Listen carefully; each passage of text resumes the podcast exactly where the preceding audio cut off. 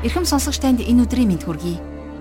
Энэ л гайхамшигтай мэндийг хүргээд өнөөдрийн оюун бодол зүрх сэтгэлийг мэрэгэн ухаан хайр инэрлэр тэтгэн дижээдэг Библийн хуудасаар нэвтрүүлгийн шинэхэн хуудсыг хамтдаа сүхье. Өнөөдөр бид шүүгчд номын 14 дугаар бүлгээс 16 дугаар бүлгийг хамтдаа уншиж судлах болно. Шинэ хичээлдээ орохоос өмнө бүгдээрээ өнгөрсөн бүлгээс чухам юу ойлгож сурсан тухай сонсогч тантай товчхон хуваалцъя. Тэгэхээр сул дорой байдлыг хүмүүс гутамшиг гэж үздэг. Гэтэл өөрийн биеийнхээ өөс сэвтэй хэсэгт маш их анхаарал хандуулж сэтгэл санаагаар гундуухан зожиг ганцаардмал нэгэн болдог.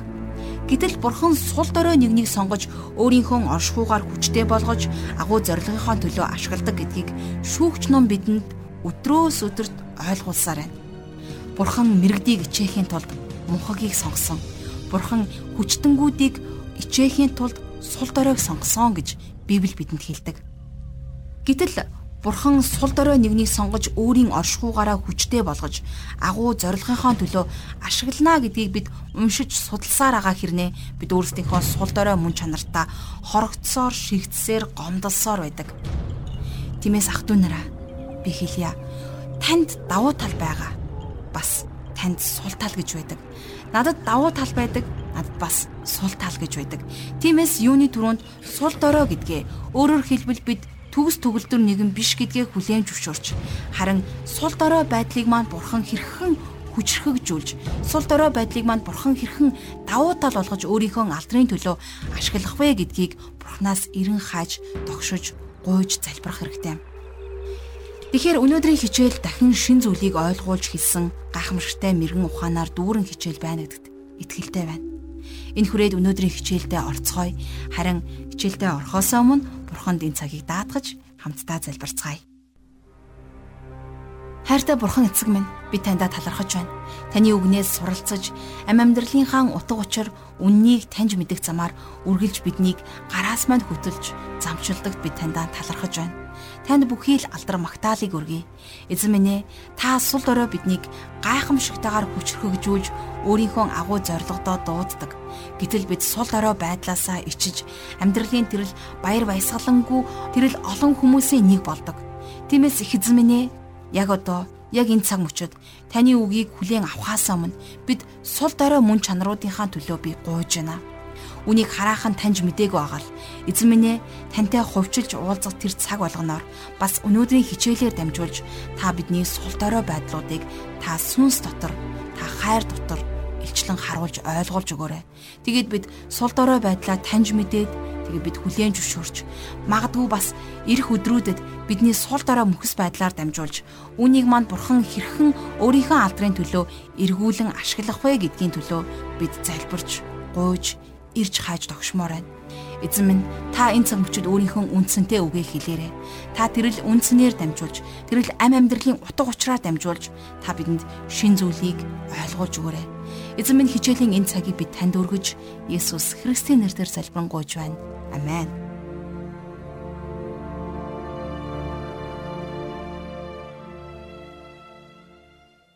За энэ хичээлийнхээ эхэнд шүүгчд номон дээр дахин дахин давтагддаг нэгэн түүхийн тойргийг эргэн санах нь чухал.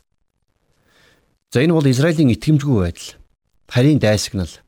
За тэгээд ард түмний гуйлт залбирал, шин захирагч, За бурхны чөлөөлөлт Израилийн амар тайван байдал. За тэгээд эргээд Израилийн итгэмжгүй байдал гихчлэн эргэлт давтагдах тусам Израильчуудын сүнслэг байдал уруудаж бурхны үг зааврыг дагах нь улам холдож дороодсон байдаг. За өнөөдрийн бидний судлах хамгийн гол дүр болвол Самсон. За Самсон болвол Израилийн 12 дахь захирагч байсан юм. Тэрнийг захирагч болох үед Израиль хөрш эргэлдээх ард түмнүүдийн заншил уламжлал, шашин шүтлэгт ихээхэн автсан байсан. За ингэснээр тэдний сүнслэг байдал нь маш их дороотож Бурхны ард түмэн гэж ялгарах юмгүй болчихсон байсан. Израилийн ард түмэн филистичүүдийн гарт орж тэдний ёс заншил, шашин шүтээнийг нь дагаж мөрдөж байсан. Израильчууд филистичүүдтэй харьцаагаа эвдэхгүй хичээж байсныг хид хідэн үйл явдал бидэнд харуулдаг. За энэний нэг бол захирагч Самсон Филист эмэгтэйг ихнэрээ болгосон явдал. За филистчүүд манай эртний өмнөх 1200-аад оны үед Крет орчмоос Канааны өмнөд хэсэг рүү их нүүдэл хийж шилжин суурьссан байдаг. За тэд нар манай эртний өмнөх 1200-аас 1000 оны хооронд евдээчүүдийн гол дайсан байсан. За тэд нэр төмрөөр зэвсэг хийж чаддаг байсан учраас Израилийг цэрэг зэвсгийн хувьд давмгайлдаг байсан. За тэгэхээр Палестин гэдэг нэр бол Филист гэсэн үгнээс үүдэлтэй. За өмнөх хичээлүүдээр бид нар Самсоныг нилээд эрх хүү байсан болов уу гэж таамаглаж байсан тийм ээ. Харин Бурхны сүнс ийм хүн дээр ирнэ гэдэг бол үнэхээр гайхалтай явдал байсан юм. А гэхдээ бурхан Самсоноор дамжуулан хөдөлсөн гэдэг нь илт байдаг. За ингээд хамтдаа шүүгчд номынхон 14 дугаар бүлгийн та нэгээс 2 дугаар ишлэлийг хамтдаа харцгаая. Самсон Тимнад очоод тэнд Филист охидын нэгийг харжээ. Тэрээр буцаж ирээд эцэг ихтэй би Тимнад нэгэн бүсгүйг харав. Тэр нь Филист охидын нэг юм. Одоо түүнийг надад ихнэр болгон авч өгөөч гэсэнд. За тэгэхээр эрх хүүхдэл иймэрхүү зүйлийг эцэг эхээсээ нэхэж чадна. Тэгэхээр ийм байдлыг та эрх хүүхэдтэй айлуудаас олонтой харсан лавтай. Ингээд юу н Самсон яагаад тэр эмэгтэй рүү очиод өөрөө тэрэнд хайртай гэрлэхийг хүсэж байгаа гэдгээ хэлээгүй болов. Яагаад тэр эмэгтэй эцэг рүү очиж өөрийнхөө хүсэлтийг уламжилсангүй вэ? Тэр үед гэрлэлтийн асуудлыг ингэж шийддэг байсан ч болох юм. Гэхдээ Самсон энийг өөрөө шийдэхгүйгээр харин эцэг эхээс шаардаж байгаа нь их сонирхолтой байдаг. Яг л хэрэг хүүхэд. Эндээс харах юм бол тэрний аав ээж нь хүүгийнхээ өмнөөс бүх асуудлыг нь зохицуулж өгдөг байсан байна. За цааш нь харъя 3-аас 4 дугаар эшлэлдэр эцэг ихэн түүнд манай бүх хүмүүсийн дунд эсвэл чиний хамаатнуудын октын дотор эмэгтэй хүн байхгүй болчиход хөвч хөндүүлээгүй филистчүүдээс чи ихнэр авахаар явах гівүү гэсэн хэдий ч Самсон эцэгтэй түүнийг надад авч өгөхтэн тэр л надад тохирч байна гэлээ. Харин энэ нь эзний хүсэл болохыг түүний эцэг их хоёр мэдсэнгүй. Учир нь эзэн филистичүүдийн эсрэг шалтак хайж байв. Тэр үед филистичүүд Израилийг захирч байваа гэсэн байна. За тэгэхээр энд Самсон өөрийнхөө гэрлэлтийг ашиглах гэж байна. За ингэснээр тэр филистичүүдээс Израилийг чөлөөлөх болно. За тэр энд нэгэн гайхамшигтай үйл хэргийг маш сайн эхлүүлж байна. Та Энэ нь эзний хүсэл болохыг гэсэн өгүүлбэрийг анзаарч хараарай. За энэ өгүүлбэр нь итгэгч биш хүнтэй гэрлэх гэсэн Самсоны санаачлагыг Бурхан ангалан гаргасан гэсэн утгатай биш. Самсон Бурханы ард түмнээс гадна байгсадтай гэрлэлтээр нэгдэх гэсэн өөрийнхөө хүсэлд хөтлөгдсөн. А гэвч Бурхан Самсоны нүглийг филистичүүдийн эсрэг өөрийнхөө зорилгоо хэрэгжүүлэх боломж болгон ашигласан юм. Харин ишлэлийн эхэнд тэрний эцэг их Самсоноос хөвж хөндүүлээгүй филистичүүдээс чи ихнэр авах гівүү химэн гайхшран асууж байгааг та анзаарсан уу? Хэдийгээр эзэн Самсоныг өрөөж тэрнийг сүнсээр хүчтэй болгосон боловч Самсон сүнслэг уналтанд болон за бие махбодын үхэлд хүргэсэн маш аюултай олон олон алдаануудыг гаргадаг. За нэгдүгээрт тэрээр өөрийнхөө амьдралыг бурхны үгэн дээр суйрлуулаагүй. Тэрээр бурхны тушаалуудыг хүндэтгэх, санаа тавих талаар маш дутмаг байж ялангуяа харь үндэстэнтэй гэрлэж болохгүй гэсэн бурхны хуулийг үл тоомсорлсон байна. Хоёрдугаар тэрээр эцэг ихээр нь дамжуулан бурхны өгсөн заавруудыг үл тоож өөрийнхөө хүслийг гүйцэтгүүлэхийн тулд бурханлаг өв залгамжлаасаа татгалцсан. За 3 дугаарт Самсон өөрийнхөө сэтгэл хөдлөл болон хүсэл тачаалаа хангахын тулд Бурхны таалалд нийцхээргүй замыг сонгоснороо гмийн төр зургийн жаргалыг эдэлсэн. За энээсээ болж Бурхны хүмүүсийн хамт ад үзэгдсэн дээрэ гэдгийг сонгосон Мосегос тэрээр ялгаатай байсан юм.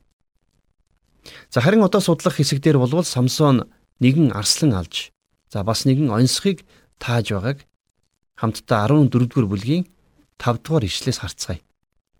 Ингээд Самсон эцэг эхийнхээ хамт Тимна руу явж Тимнагийн усан үзмийн тариалангийн талбайд хурч ирэв. Гэнэт нэгэн залуу арслан архиран Самсоныг чиглэн ирэв. За Самсон Назирийн тангарагыг тавьсан хүн байсан. Тэгэхээр Назир хүн усан үзмнээс хол байх ёстой гэж Библиэд тушаасан байдаг. А гэтэл Самсон усан үзмнээс хол биш, харин ч ойрхон байна. За тийм учраас тэрнлөө нэгэн залуу арслан архин дайрсан. За ингээд 6-аас 9 дугаар ишлээс харцгаая. Эзний сүнс түүний дээр хүчтэйгэр бууж ирсэнд тэрээр гартаа юу ч бариагүй боловч ишгийг тасчих мэт арслан хүү татав. Харин тэр үйлдсэн хэрэгээ эцэг ихтэй хэлсэнгүй. Тэгээд Самсон явж тэр эмэгтэйтэй ярилцсан. Тэр эмэгтэй Самсонд үзэгсэлэнтэй харагджээ. Хэсэг хугацааны дараа Самсон тэр эмэгтэйг авахаар буцаж ирэхдээ нөгөө арслангийн сэгийг үзэхээр очивол арслангийн биеинд зүгийн үүр ба зүгийн бал байв. Тэрээр балыг гараараа утхан авч замдаа идсээр цаашаа явв. Тэр эцэг ихтэрээ ирж балаасаа өгсөнд тэд ч идэв. Гэвч түүнийг арслангийн биенээс цуглуулж авснаа тэдэнд хэлсэнгүй. За Самсоны бие махбодын агуу их хүч чадал өөрийнх нь биш харин тэрний дээр бууж байгаа Бурхны сүнсний хүч чадал байсан. За шинэ гэрээний үед итгэгчнэр дээр ч гэсэн ариун сүнс буун ирдэг. Гэхдээ энэ нь биднийг бие махбодын хувьд хүчтэй болгохын тулд биш. Харин ариун сүнс биднийг Христийн төлөө амьдруулан гэрчлүүлэхийн төлөө Бурхныг гэрчлүүлэх хүч чадлыг бидэнд өгдөг.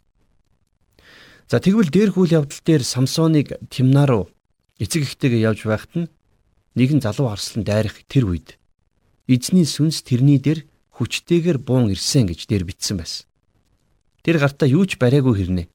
Арслан ишиг тасчин хаях мэт хүү татаж алж хайсан.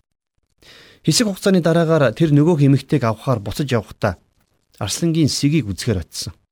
А гэтэл тэр сэгэн дотор зүгийн үүр за зүгийн үүрэнд нь бал байхыг харсан. Самсон зүгийн балнаас гараараа хутхан авч замын турш идсээр явж. Тэр бас эцэг ихтэй өгсөн гэж Библиэд бичсэн байна. А гэхдээ Самсон энэ зүгийн балыг хаанаас авсныгаа эцэг ихтэй хэлээгүй. За тэгвэл эндээс бид нэгэн зүйлийг анзаарах ёстой. За юу вэ гэвэл Назирийн тангараг ёсоор болвол тэрээр үгсэн цогцос сэгэнд хүрэх ёсгүй байсан. За 14-ийн 10-аас 14 дугаар эшлэл дээр. Тэгээд эцэг нь нөгөө эмэгтэй рүү очисон бөгөөд Самсон тэнд найр хийв. Учир нь залуу ирчүүдийн үйлддэг заншил ийм байжээ. Хүмүүс Самсоныг хараад түүний хамт байх 30 нөхдийг авчрав. Самсон тэдэнд би та нараар нэгэн онцлог таалгая. Хэрв та нар найрын 7 хоногийн дотор түүнийг тааж надад хэлж өгвөл би та нарт 30 майланган цамц 30 хувц өгнө. Харин хэрв та нар түүнийг тайлж чадахгүй бол 30 майланган цамц 30 хувцас надад өгөгтөн гэхэд тэд онцгой таалгах тун бид сонсчоо хэмээцгээв. Самсон тэдэнд идэгчээс идэх юм гарав. Хүчтнээс амттай зүйл гарваа гэж хэлсэн байна. За тэгэхээр залуу ирчүүдийн үйлддэг заншил ёсоор Самсон хурмынхаа найрыг хийж байна. За энэ найр нь бүсгүйн герт болж байгаа. За тэгээд бүх зочид нь филистчүүд байсныг таалав анзаарсан баг. За харин онцлог тааврын хувьд энэ нь тухайн үеийн нэгэн зугаа цэнгийн хэлбэр байсан. За тийм учраас Самсон зочдоороо таавар таалгаж байна. За ингээд хариултыг олоход 7 өдрийг өгсөн. Хэрвээ онцгойг таах юм бол Самсон тэднэрт 30 цамц 30 хувц өгнө. А хэрвээ тааж чадахгүй бол Самсонд тэднэр 30 цамц 30 майланган хувцас өгөх бооцоо тавьсан. Алагдсан арслан тэрний хүүрэн дэх зүгийн үр балны талаар огтоос мэдэхгүй 30 зочин Самсоны онцгойг таах арга үнэндээ байгаагүй. За ингээд Самсон хууртагдж 30 филистчүүдийг алдаг. За цааш нь 15-аас 18 дугаар ишлэгийг харцгаая. Дөрөвд өдөр болсонд тэд Самсоны ихнэрт хандаж тэр онцгоны тайллыг бидэнд хэлэхээр нөхрөө ятгах тун. Стигвас бид чамайг болон эцгийн чинь гэрийг галдан шатаана. Чи биднийг ядууруулахын тулд урьсан юм уу? Үгүй гэж юу гэлцэн занав. Эхнэр нь Самсоны өмнө уйлан чи зөвхөн намайг үзэн яддаг. Чи надад хайргүй. Чи манай ард түмний хөвгүүдэд онцог таалгасан хэрнээ надад түүнийг тайлсангүй хэмэв. Самсон түүнд үзэгтэн би эцэг ихтэйж түүнийг тайлсангүй. Тэгээ чам тайлх болж байна уу гэд халгаасангүй. Эхнэр нь найр үргэлжлэх 7 хоногийн туршид Самсоны өмнө уйлв. Эхнэр нь түүнд амар заяа үзүүлэхгүй байсан тул 7 дахь хоногт нь Самсон эхнэртэй хэлв. Тэгээд тэр эмэгтэй өөрийн ард түмний хөвгүүдэд тайллыг хэлж өгөв. Долоо дахь өдөр нар жаргахаас өмнө хотын хүмүүс Самсонд балаас амттай нь юу вэ? Арслангаас хүчтэй нь юу вэ? Хэрвээ та нар миний охин тоглоор хаглаагүй бол миний таврыг тааж чадахгүй байхсан гэсэн байна. За ингээд дөрөвд өдөр болоход филистчүүд Самсоны ихнэрт хандаж онцгоны тайллыг олж өөрсдөд нь туслахыг хүсэж за бас бүр занал хийсэн байна. За хэрвээ тэр эмэгтэй онцгоны хариуг олж мэдэхгүй болвол тэд нэр эцгийнх нь гэртээ хамт шатаана гэж сүрдүүлсэн. За эмэгтэй хувьд эр нөхрөөсөө нууцыг нь олж мэдэх хамгийн хүчтэй зэвсэг болвол тэрний нулимс байсан.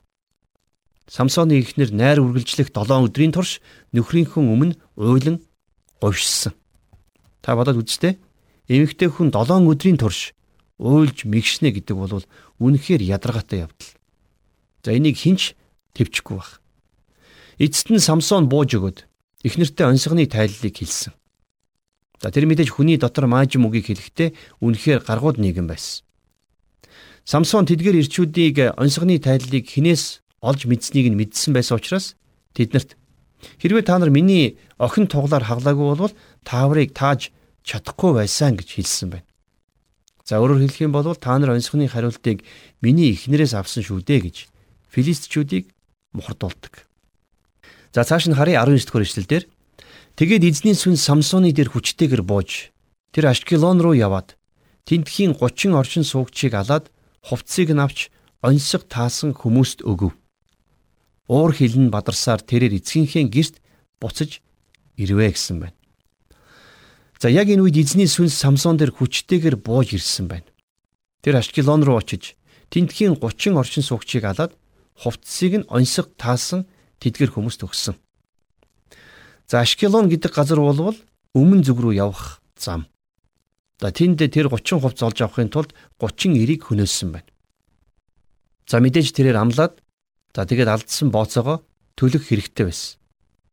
За ингэж уур хилэн бадарсаар явсан Самсон эхнэрээ тэр нутгаас авч яваагүй байна. Өөрийг нь уйлж унжин ятгаж Таврын хариуг филистчүүдэд алдсан тэр эмэгтэйд Самсон ихэд ууралсан байж. За 20 дугаар ишлэгийг хамтдаа харцгаая. Харин Самсоны эхнэр түүний анд найзуудын нэгнийх нь эхнэр болов. За өөрийнхөө ард түмний төлөө авайл нөхрөөсөө ургаж онцгоны тайллыг хэлсэн охин Самсоноор хаягдж эцэг их нь тэрнийг хорим дээр байсан нэгэн найзад нь өгсөн байна. За харин одоо хамтдаа шүүгчд номын 15 дугаар бүлгийг судлах гэж байна. За энэ бүлэг дээр Самсон филистчүүдийн буудайг шатааж байгаа тухай түүх гардаг. За эхлээд 15 дугаар бүлгийн 1-ээс 2 дугаар ишлэгийг хамтдаа уншицгаая. Гэвч хэсэг хугацаа өнгөрч буудаа хураах үед Самсон залуу ямаа аван өөрийн эхнэрийг дайлчлан очоод би эхнэрийнхээ герт орё хэмээсэнд эмэгтэй эцэг зөвшөөрсөнгүй. Эмэгтэй эцэг түүнд би чамайг түүнд үнэхээр өшөргсөн байгаа хэмээн бодоод түүнийг чиний найзад өгсөн юм. Түүний охин дүүн түүнээс илүү үзэсгэлэнтэй биш үү? Түүний оронд чи дүүг нь өөрийн болгон авах тун гэв. За Самсон уураа гарсны дараагаар буудаа хураах үеэр эхнэрийнхээ гэрлөө залуу ямаа аван очисон байна. За мэдээжэр энэ ямааг бэлэг болгож очисон. А гэтэл эхнэрийнх нь эцэг Самсоныг гэртээ оруулаагүй. За тэгээд тэрэнд өөрөөс нь урвсан эхнэрээ хүсэхгүй байх гэж бодоод найзад нь өгсөн гэж тайлбарлаж. Харин тэр эмэгтэйн оронд охин дүүгийн эхнэр болгон авахыг Самсонд санал болгож байна. Энэ нь мэдээж Самсон таалагдаагүй. Тиймээс тэрээр филистичүүдийн тарийн талбайг галдан түүвэдэг. За энэ тухай 3-5 дугаар эшлэлдэр Самсон тэднэрт энэ удаад би филистичүүдэд хор хөнөөл учруулсан ч надад ямар ч гим зэм байхгүй гэв. Самсон явж 300 үнийг бариад сүүл сүүлээр нь холбож хоёр сүүлийн хооронд бамбар уяв. Тэгээд бамбаруудаа гал асаагаад үнэгнүүдийг филистичүүдийн тарийн талбаараа оруулсанд юужилсэн тариа болон хураагаагүй тарианы аль альнийг мөн усан үзмийн тариалан болон чидүү моддыг нь хүртэл шатаав. Самсон филистчүүдээс өшөө авахдаа өөрийн энэ үйлдэлийг зөвхт гэж бодож байгаа нь илтвэн. Тэрээр 300 үнэг барьж сүүлээр нь холбож уяад хоёр сүүлийнх нь хооронд бамбар уйж асаагаад филистчүүдийн тариан талбай руу оруулсан. За мэдээж үнэгнүүд зүхтаж хаасаагүй галын төлийг тарааж ургаж байгаа болон хураагаагүй тариа. За тэгээд дээрэс нь усан үзмийн тариалан бас чидүүн жимсний моддыг хүртэл түүмэрдэн шатаасан байна. Самсоны энэ үйлдэлийг харах юм бол үнэндээ гомдож тунирхсан нэгэн жаахан хүүхдийн тоглоом шиг санагддаг. Тэр энд бурхны хүнтэй огтхонч адилгүй байгаа биз. За цааш нь харъя. 6-аас 8 дугаар эшлэлдэр. Тэгэхэд филистчүүд хэн энэ хэргийг үйлдвэр химээлцсэнд Тимначуудын хүргэн Самсон юу гэвэл хадам эзгийн эхнэрийг нь авч анд нөхөрт нь өгчихсөн юм гэцгээв. Иймээс филистчүүд ирж өнөөх эмэгтэйг эцэгтэй нь хамт галдан шатав. Самсон тэдэнд та нар нэгэнд ийм хэрэг үйлдсэн тул би та нараас заавал өшөө авна. Түүний дараа л би сална гэж хэлв. Самсон тэднийг хайр найргуугаар олноор нь хядав. Тэгэд явж Итамын хадны хавцалд амьдран суваа гэсэн байна. За Самсоны филистчүүдэд хийсэн энэ тэмцэл болвол ард түмний чөлөөлөх чөлөөлтийн талаар санаа тавихаас илүүтэйгээр голдуу хувийн уур хилэн өс хонзонд хөтлөгдсөн байсан. За тэгэхээр энэ бол хувь хүний хэрэг болж байна. Энэ хуваа хичээсэн байдал болон за бурханд өөрийгөө бүрэн зориулаагүй зэрэг нь эцсийн эцэс Самсоныг бүхэлд хөргсөн байдаг. Тэрний өс хонзон уур хилэнгээр буцалсан энхүү үйлдэл нь Израилийг филистчүүдээс чөлөөлүүлэх бурхны өгсөн даалгавар огтоос биш байсан юм. Тэр зүгээр л хувийнхаа өшөө хонзонг авч байсан. За харин одоо Самсон мянга мянган филистийн хүнийг алж уур хилэн өш хонзонгоо тайлж байгаа тухай дараах ишлүүдээс харах болно. За тэднийг алсныхаа дараа Самсонд үнэхээр дайснууд гарч ирэн тэрнийг хайж эхэлдэг. За ингээд Самсон хүмүүсээр өөрийгөө олсоор хүлүүлдэг.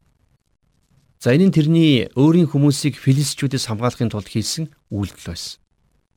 За энэ тухай 15 дугаар бүлгийн 14 дугаар ишлэлдэр Самсон Лехид ирэхэд филистчүүд уухай хадаан түүнийг ухтав. Эзний сүнс түүний дээр хүчтэйгээр бууж ирсэнд түүний гарыг хүлсэн олсон галд шатсан майланган утас мэт болж уяанууд гараас нь тайлагдж унав.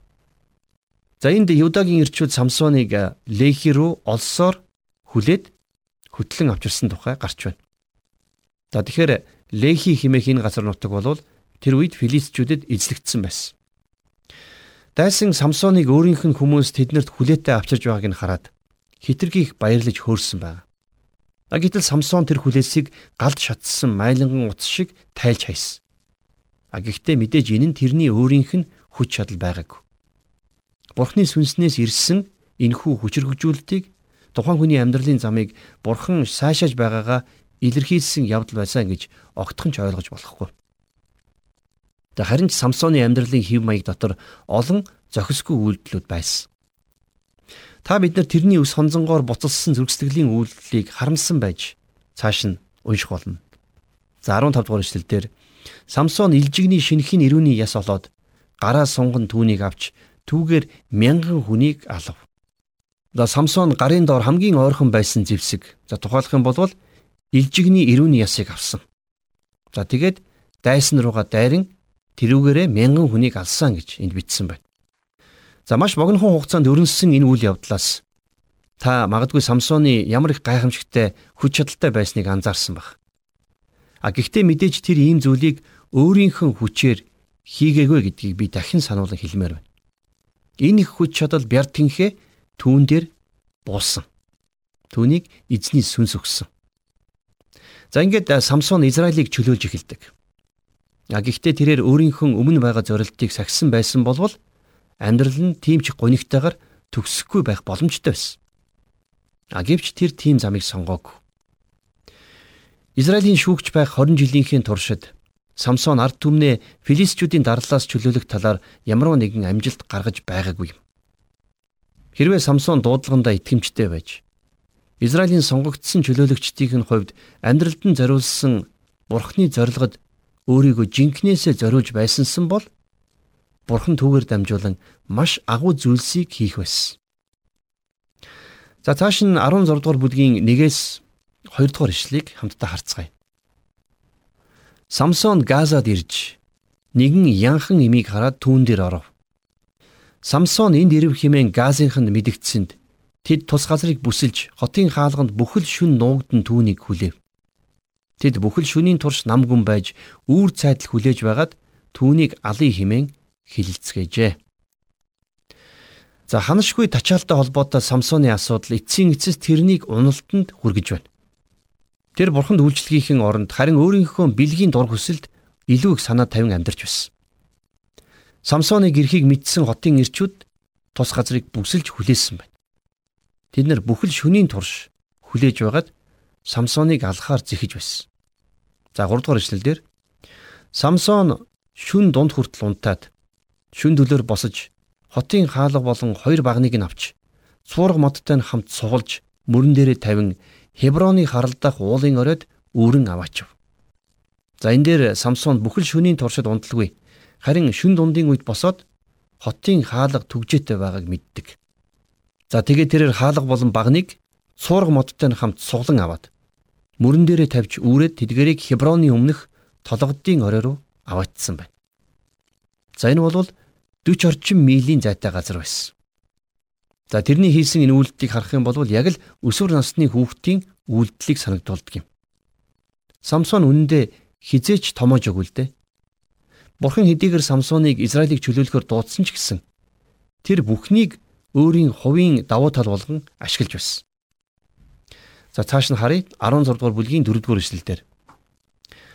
Түүний дараа Сорекийн хөндөд амьдардаг Дилила химэх эмэгтэйд Самсон дурлав. За энэ бол Самсоны жинхэнэ уналтын түүх.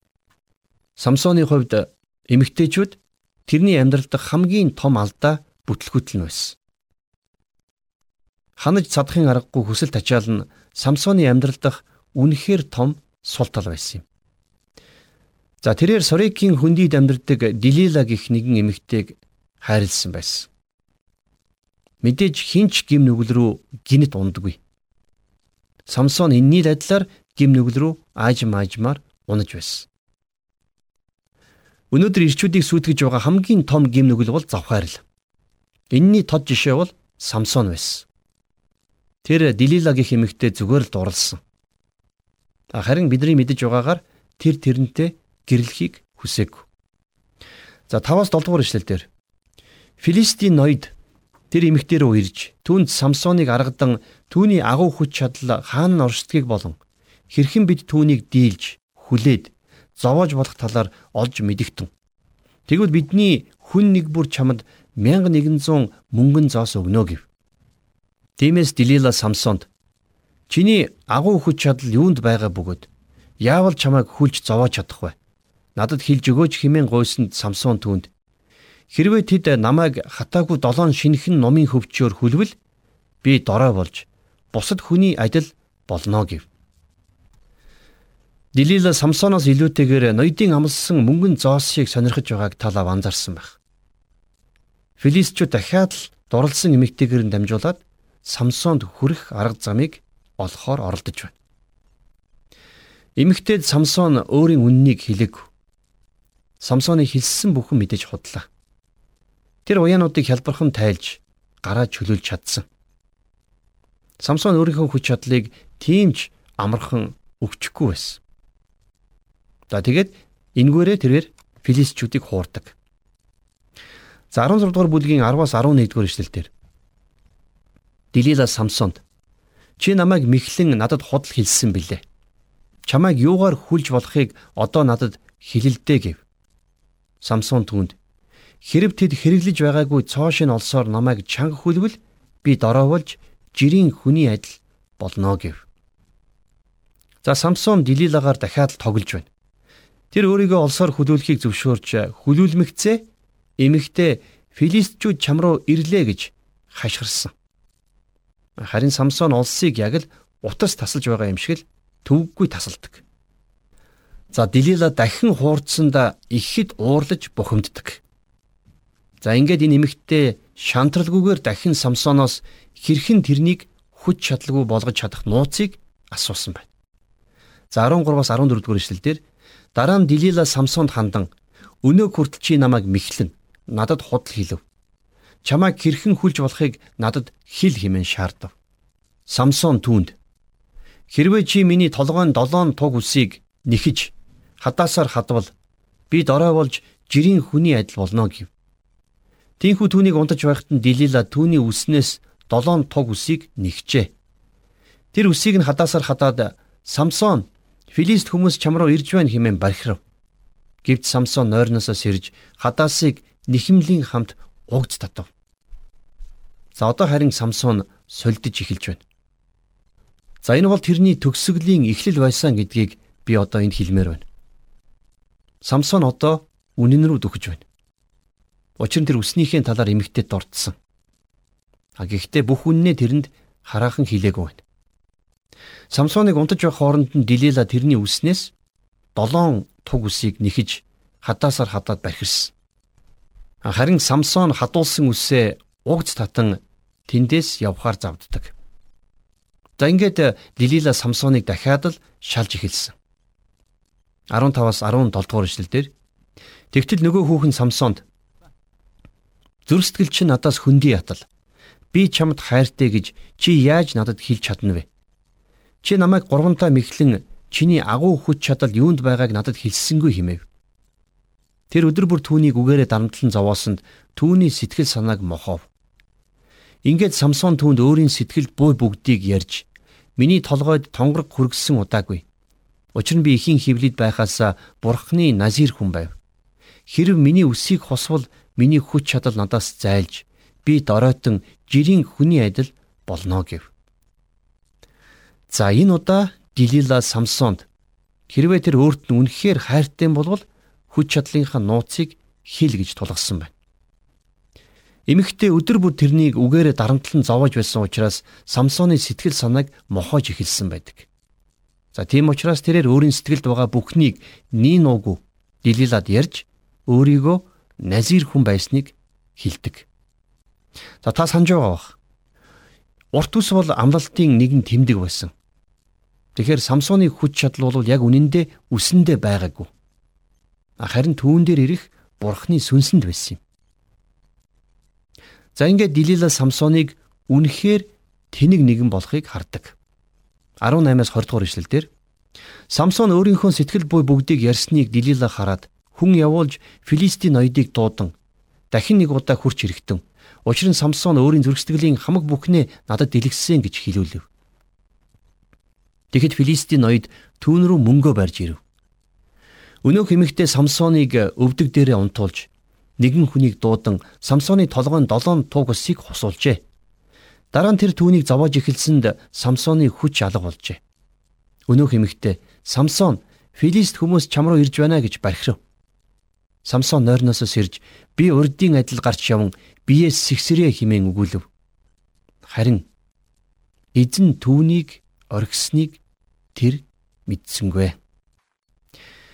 Канаан дахь бузар үндэстнүүдээс тусгаар бай гэсэн бурхны зааврыг Самсон үл тоомсорлсоор Дилилад буулт хийсэн. Шүтэн шүтгчд болон садар самуу хүмүүст буулт хийх явдал нь хүний амьдралыг сатааны хүчинд төөрөгдөлд орох үүдийг нээж бүрэн ялагдалд хүргэдэг гэдгийг тэр ухаараагүй. Энд өнөөх эмэгтэй Самсоныг өвдөг дээрээ унтуулж байгаад филистчүүдийн нэгийг дуудан ирүүлж тэрний толгойтой үсийг хосуулсан. За тэгээд Дилила дөрөв дэх удаага филистчүүд чам руу ирж байна Самсон гэж хашгирч байна. За энэ бол Самсоны амьдрал дах хамгийн эмгэнэлтэй мөч. Тэр нойрноосоо сэрээд өмнөх шигэ бүхнийг хүч чадалтайгаар хийндэ гэж бодсон. Харин эзэн тэрнийг оргисон байсныг тэр мдээгүй. Үнэн дээр Самсоны хүч түүний үсэнд дайхинд нь байгаагүй юм. Харин түүний хүч чадал тэрний дээр байсан эзний сүнсэнд байсан. Өнөөдөр шигсэн ялгаагүй бидний хүч чадал бидний хийдэг альва зан үйлд байдаггүй. Харин итгэгч хүний хүч чадал бол үргэлж бурхны сүнсэнд байдаг. Самсон бол өөрийн ард түмний шүүгч байсан. За тэгээд тэднийг филистчүүдийн дарлаас чөлөөлөхөөр бурхнаар дуудагдсан нэгэн байсан.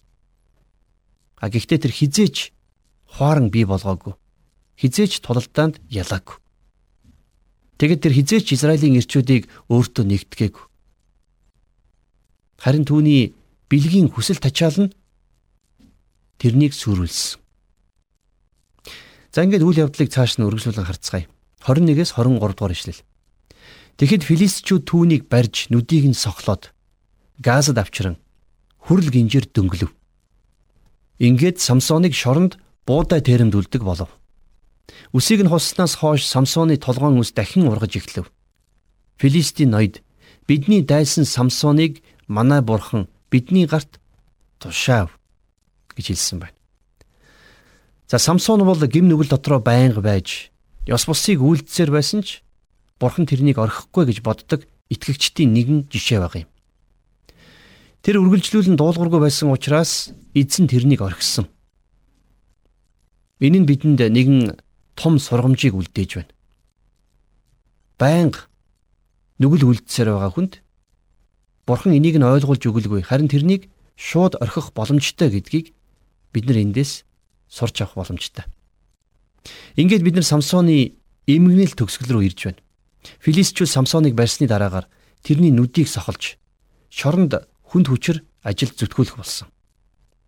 За тэрнийг шоронд инхүү тарчлан зовж байх үед үс нь ургаж эхэлсэн гэж Библи бичсэн байна. За энэ бүхний эцэс Самсон маш дуулууртай хүн болсон байсан. Филистчүүд Самсоныг ялсан ялалтаа өөрсдийн бурхан Дагоны хүч гэж үзэн баярлаж энэ баяраа тэмдэглэхээр нэгэн найрыг хийдэг.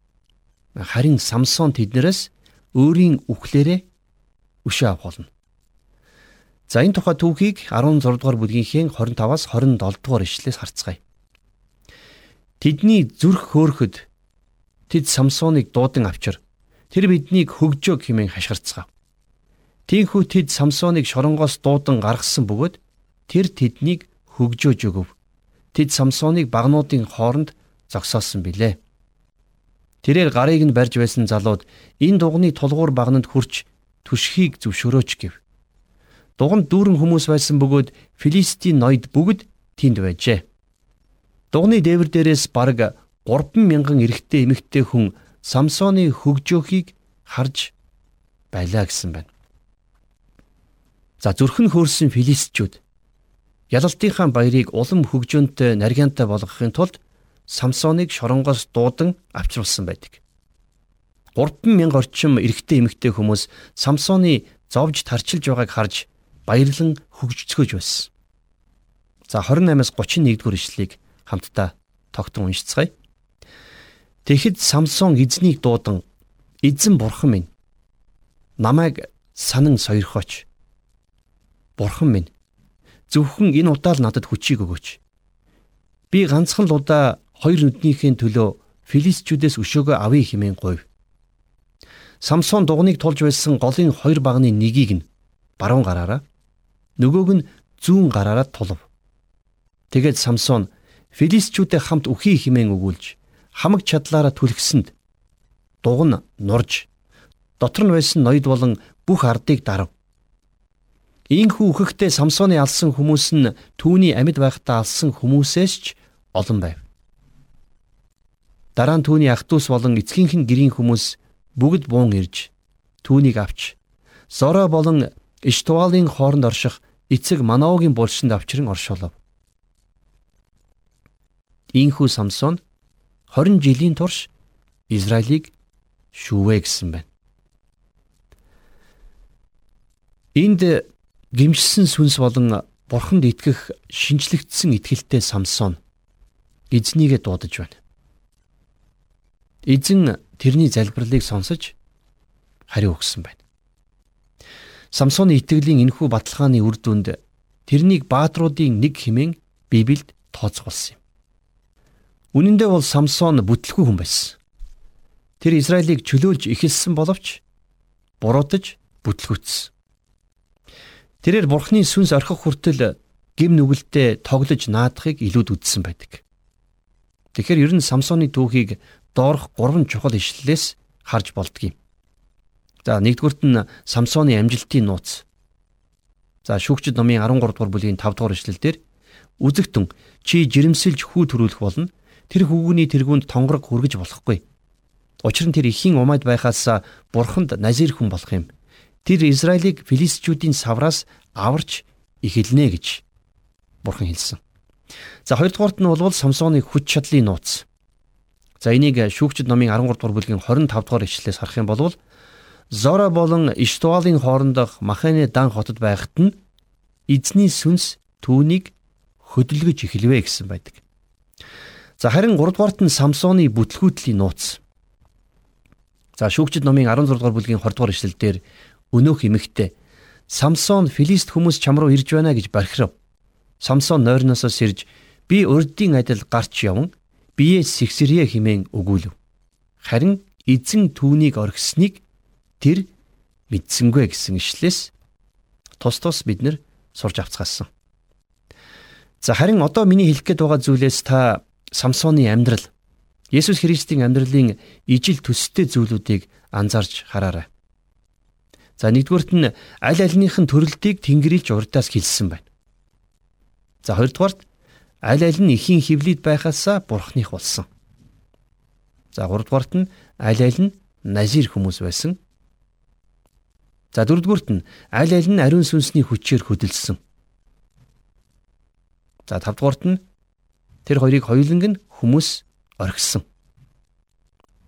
За тэгээд зурдугаарт нь тэр хоёр хоёулаа дайснуудаар сүйтгэгдсэн. За тэгвэл Есүс Самсон хоёрын хооронд байсан ялгаатай зүйлүүд юу байсан бэ? За нэгдүгürt нь Самсон нүгэлтэй амьдралаар амьдарсан бол Есүс гим нүгэлгүй байсан. Самсон нас барахтаа өө бурхан надад хоёр нүднийхэн өшөөг филистчүүдээс нэг удаа авахыг зөвшөөрөөч гэж залбирсан болвол Есүс харин эцэг минь тэднийг өршөөгөөч. Учир нь тэд нар юу хийж байгаагаа мэдэхгүй байна гэж залбирсан. За 3 дугаарт нь үхэхтэй Самсоны гар уур хилэнгээр тэнийсэн байсан болвол Есүсийн гар хайраар тэнийсэн байсан. За эцэст нь Самсон нас барсан. Харин Есүс Христ үхлийг ялан дийлж үхлээс амилсан. Тэр өнөөдөр ч гэсэн амьд байна.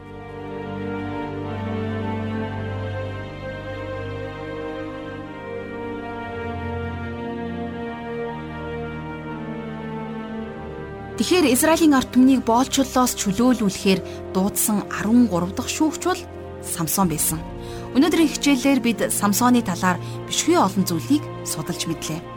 Самсон бол гим нүгэл дотроо байн гойж ёс бус үйлдэлээр дүүрэн байсан ч гэсэн бурхан өөрийг нь хизээж орхихгүй гэж боддог өнөө цагийн итгэгчдийн томоохон үлгэр жишээ болсон хүн. Самсон үнэхээр дуулуургүй нэгэн байсан учраас эцсийн мөчөд эзэн түүнийг орхисон гэдэгтээ би санал нэг байна. Энэ бол бидэнд маш сургамжтай хэсэг. Учир нь байнга нүгэл үйлдсээр байгаа хүнд бурхан энэнийг нь ойлгуулж өгөлгүй харин тэрнийг шууд орхих боломжтой гэдгийг бидэнд хатуу анхааруулж ойлгуулсан хэсэг байлаа. Хичээл бүхэлдээ маш ширүүн үйл явдал өрнөлөөр дүүрэн байсан. Миний хувьд Самсоны амьдралын төгсгөл үнэхээр гонигтай санагдлаа. Тэр филистчүүдэд баригдсныхаа дараа нүдээ сохлуулж шоронд хүнд хүчээр ажилд. Хамгал хүч чадал нь оршдог гэж эндүрч байсан үс нь шоронд байх зуур ургасан боловч эргээд урдын адил хүчтэй болоогүй. Харин энэ бүхний эцэст Самсон бурхны дуулууртай хүн болсон тухай жаргал агш онцлон хэлсэн. Энэ үнэхээр үр өвдгмөр хэсэг байсан ч гэсэн Самсоны амьдралаас суралцах бодтой түүх, бодтой ишлэл зөвлөлт байлаа. Ухаантай мэрэгэн хүн бусдын амьдралыг хараад өөртөө учрах саад бэрхшээлээс холдож, ухарч бултаж зүхтаж чаддаа гэж Библи бидэнд сануулж ойлгуулдаг. Тэгэхээр та Самсоны түүхийг уншиж судалсан. Түүний амьдралаас танд юу зүрхэнд тань ён гэд үлдсэн бэ? Тэрэл зүйлийнхээ төлөө хамтдаа залбирч магадгүй Самсоны амьдралыг өнөө цагт дахин давтахгүй төлөө Бурханаас зүрх сэтгэлээ нэгтгэн хамтдаа залбирцгаая. Их эзэн минь би таньдаа онцгойлон талархаж байна. Өнөөдрийн энэ хичээлээр дамжуулж та 13 дахь шүүгч болох Самсоны амьдралыг бидний өмнө дэлгэж харуулсанд баярлалаа. Эзэн минь хичээлийг ойлгомжтойгоор зааж тайлбарлсан жаргал агшийнхаа төлөө талархаж байна. Та түүний оюун бодлыг зүрх сэтгэлийг ам хэлийг эх өдрүүдэд ивэж илүү ихээр юрөөж өгөөрэй. Их эзэн минь бид таны өмнө ирээд бид өөрсдийнхөө тэр мөхөс сул дорой байдлаа өргөж байна. Эзэн минь ээ бид гим нүгэл үйлдсээр байгаа бол та хизээ нэгэн өдөр ойлгуулж өгөлгүй харин зүгээр л зүнд нь орхихгүй гэхээс бид айж байна. Тиймээс их эзэн минь ээ бид хийдэг бүхий л алдаа зөрчлийнхоо төлөө таны өмнө ирээд бид намжлан гуйж байна. Эзэн минь ээ бид гимшиж байна. Та энэ л бусрамг гим нүглүүдийг маань та ноос мэд цагаан болгооч. Эзэн минь цус мэд улаан байсан тэрл бартаатай тэрл толбтой ам амьдралыг маань та ноос шиг та гигэн цагаан болгооч гэж би гуйж байна. Самсоны амьдралаас олон зүйлийг ойлгож тунгаасан. Та хүнийг болгонтой ярилцаж, ариун сүнсээрээ дотроос нь ярилцаж өгөөрэй. Эзэн минь ээ, бидний ам амьдралаар дамжуулж та алдаршаарай. Эцсийн мөчөд Самсон өөрийнхөө ам амьдралаараа тэрл утсан чиний улаан амьдралаараа таныг алдаршуулж танд алдрыг өргөж чадсан шиг тэрл дайснаа дарж чадсан шиг эзэн минь бидний ам амьдрал бидний өдр хоногудаар дамжуулж их эзэн та алдаршаарай. Бүх зүйлийг танд өргөж Есүс Христийн нэрээр залбирanгуйж байна. Амен.